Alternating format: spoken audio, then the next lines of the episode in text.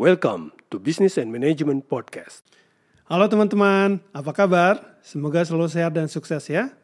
Selamat datang di podcast Business and Management dengan saya sendiri hostnya, Marcel Ludi. Dalam episode kali ini, kita akan membahas bagaimana membuat iklan yang efektif. Episode ini merupakan kelanjutan dari episode sebelumnya yang lebih menekankan mengenai pengetahuan apa yang membuat iklan uh, memicu seseorang atau konsumen untuk membeli. Dalam episode kali ini kita akan lebih ke uh, praktisinya, implementasinya, bagaimana dengan pengetahuan yang kita dapat dari episode lalu membuat iklan kita lebih efektif sehingga konsumen membeli brand kita. Nah, siapa saja yang bisa mengambil manfaat dari pengetahuan ini? Bisa jadi Anda seorang marketing manager yang sedang memikirkan bagaimana membuat iklan yang lebih efektif di tempat Anda bekerja. Bisa juga Anda seorang pengusaha yang sedang mencari cara membuat iklan yang lebih efektif lagi agar produk Anda lebih diterima di pasar. Definisi iklan dalam episode ini sangat beragam dan maknanya luas. Bisa jadi iklan TV yang Anda lihat di TV nasional, reklame, iklan di radio, iklan di majalah, apa pun iklannya, pada prinsipnya sama saja. Di episode sebelumnya, kita belajar bagaimana cara kerja iklan, membuat asosiasi atau membentuk asosiasi baru antara brand yang diiklankan dengan memori sel syaraf di otak kita. Iklan yang diulang-ulang terus-menerus sampai konstan akan membentuk asosiasi yang kuat, sehingga konsumen tanpa sadar akan membuat keputusan untuk membeli barang kita. Kita juga mengerti bahwa keputusan konsumen untuk membeli brand kita dan memilih produk kita lebih didorong secara lebih emosional ya, bukan hanya secara fungsional dan rasional saja. Iklan yang baik akan memperkuat asosiasi brand dengan kebutuhan konsumen dengan cara membuat iklan yang diulang-ulang secara konsisten, again, again, and again, and again sampai konstan, sampai konsumen secara tidak sadar memilih brand kita begitu dia perlu sesuatu. Nah, setelah kita mengerti pengetahuan itu, bagaimana implementasinya? Bagaimana penerapannya? apa yang kita bisa lakukan dalam membuat iklan sehingga iklan kita lebih efektif lagi membuat konsumen memilih brand kita dibandingkan brand yang lain. Pada prinsipnya, iklan yang efektif memiliki ciri-ciri sebagai berikut. Relevan dan unik, sederhana dan mudah dimengerti, isyaratnya atau cue-nya konsisten, diulang terus, again, again, and again. Mari kita bahas satu persatu. Yang pertama adalah iklan tersebut relevan dan unik. Artinya, iklan tersebut relevan, cocok dengan kebutuhan yang sedang dicari oleh konsumen tersebut. Yang kedua, iklan tersebut unik. Iklan tersebut berbeda dengan merek-merek pesaing yang lain. Ya. Dan kata kuncinya adalah konsisten. Konsisten dengan logonya, dengan suaranya, dengan look and feel-nya. Sehingga konsumen tahu, begitu ngeliat iklan Anda yang unik, dia sudah bisa mengasosiasikan produk tersebut dengan brand Anda. Yang kedua, iklan tersebut dibuat secara sederhana dan mudah dimengerti.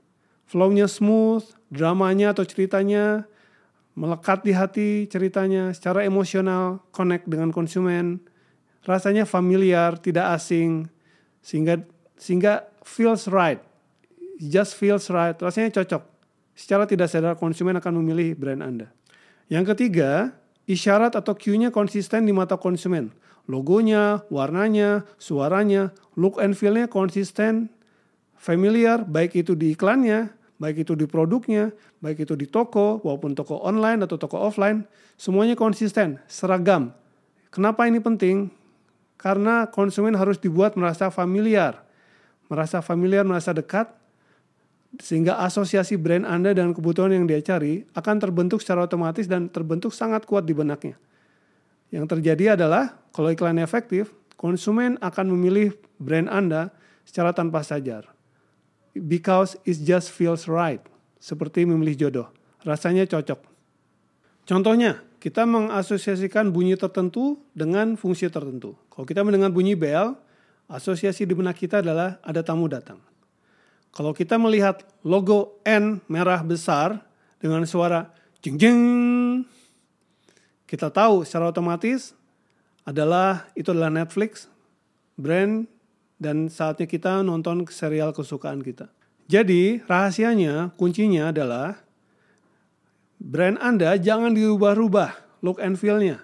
Logonya, warnanya, suaranya, jangan dirubah-rubah. Ya, harus konsisten.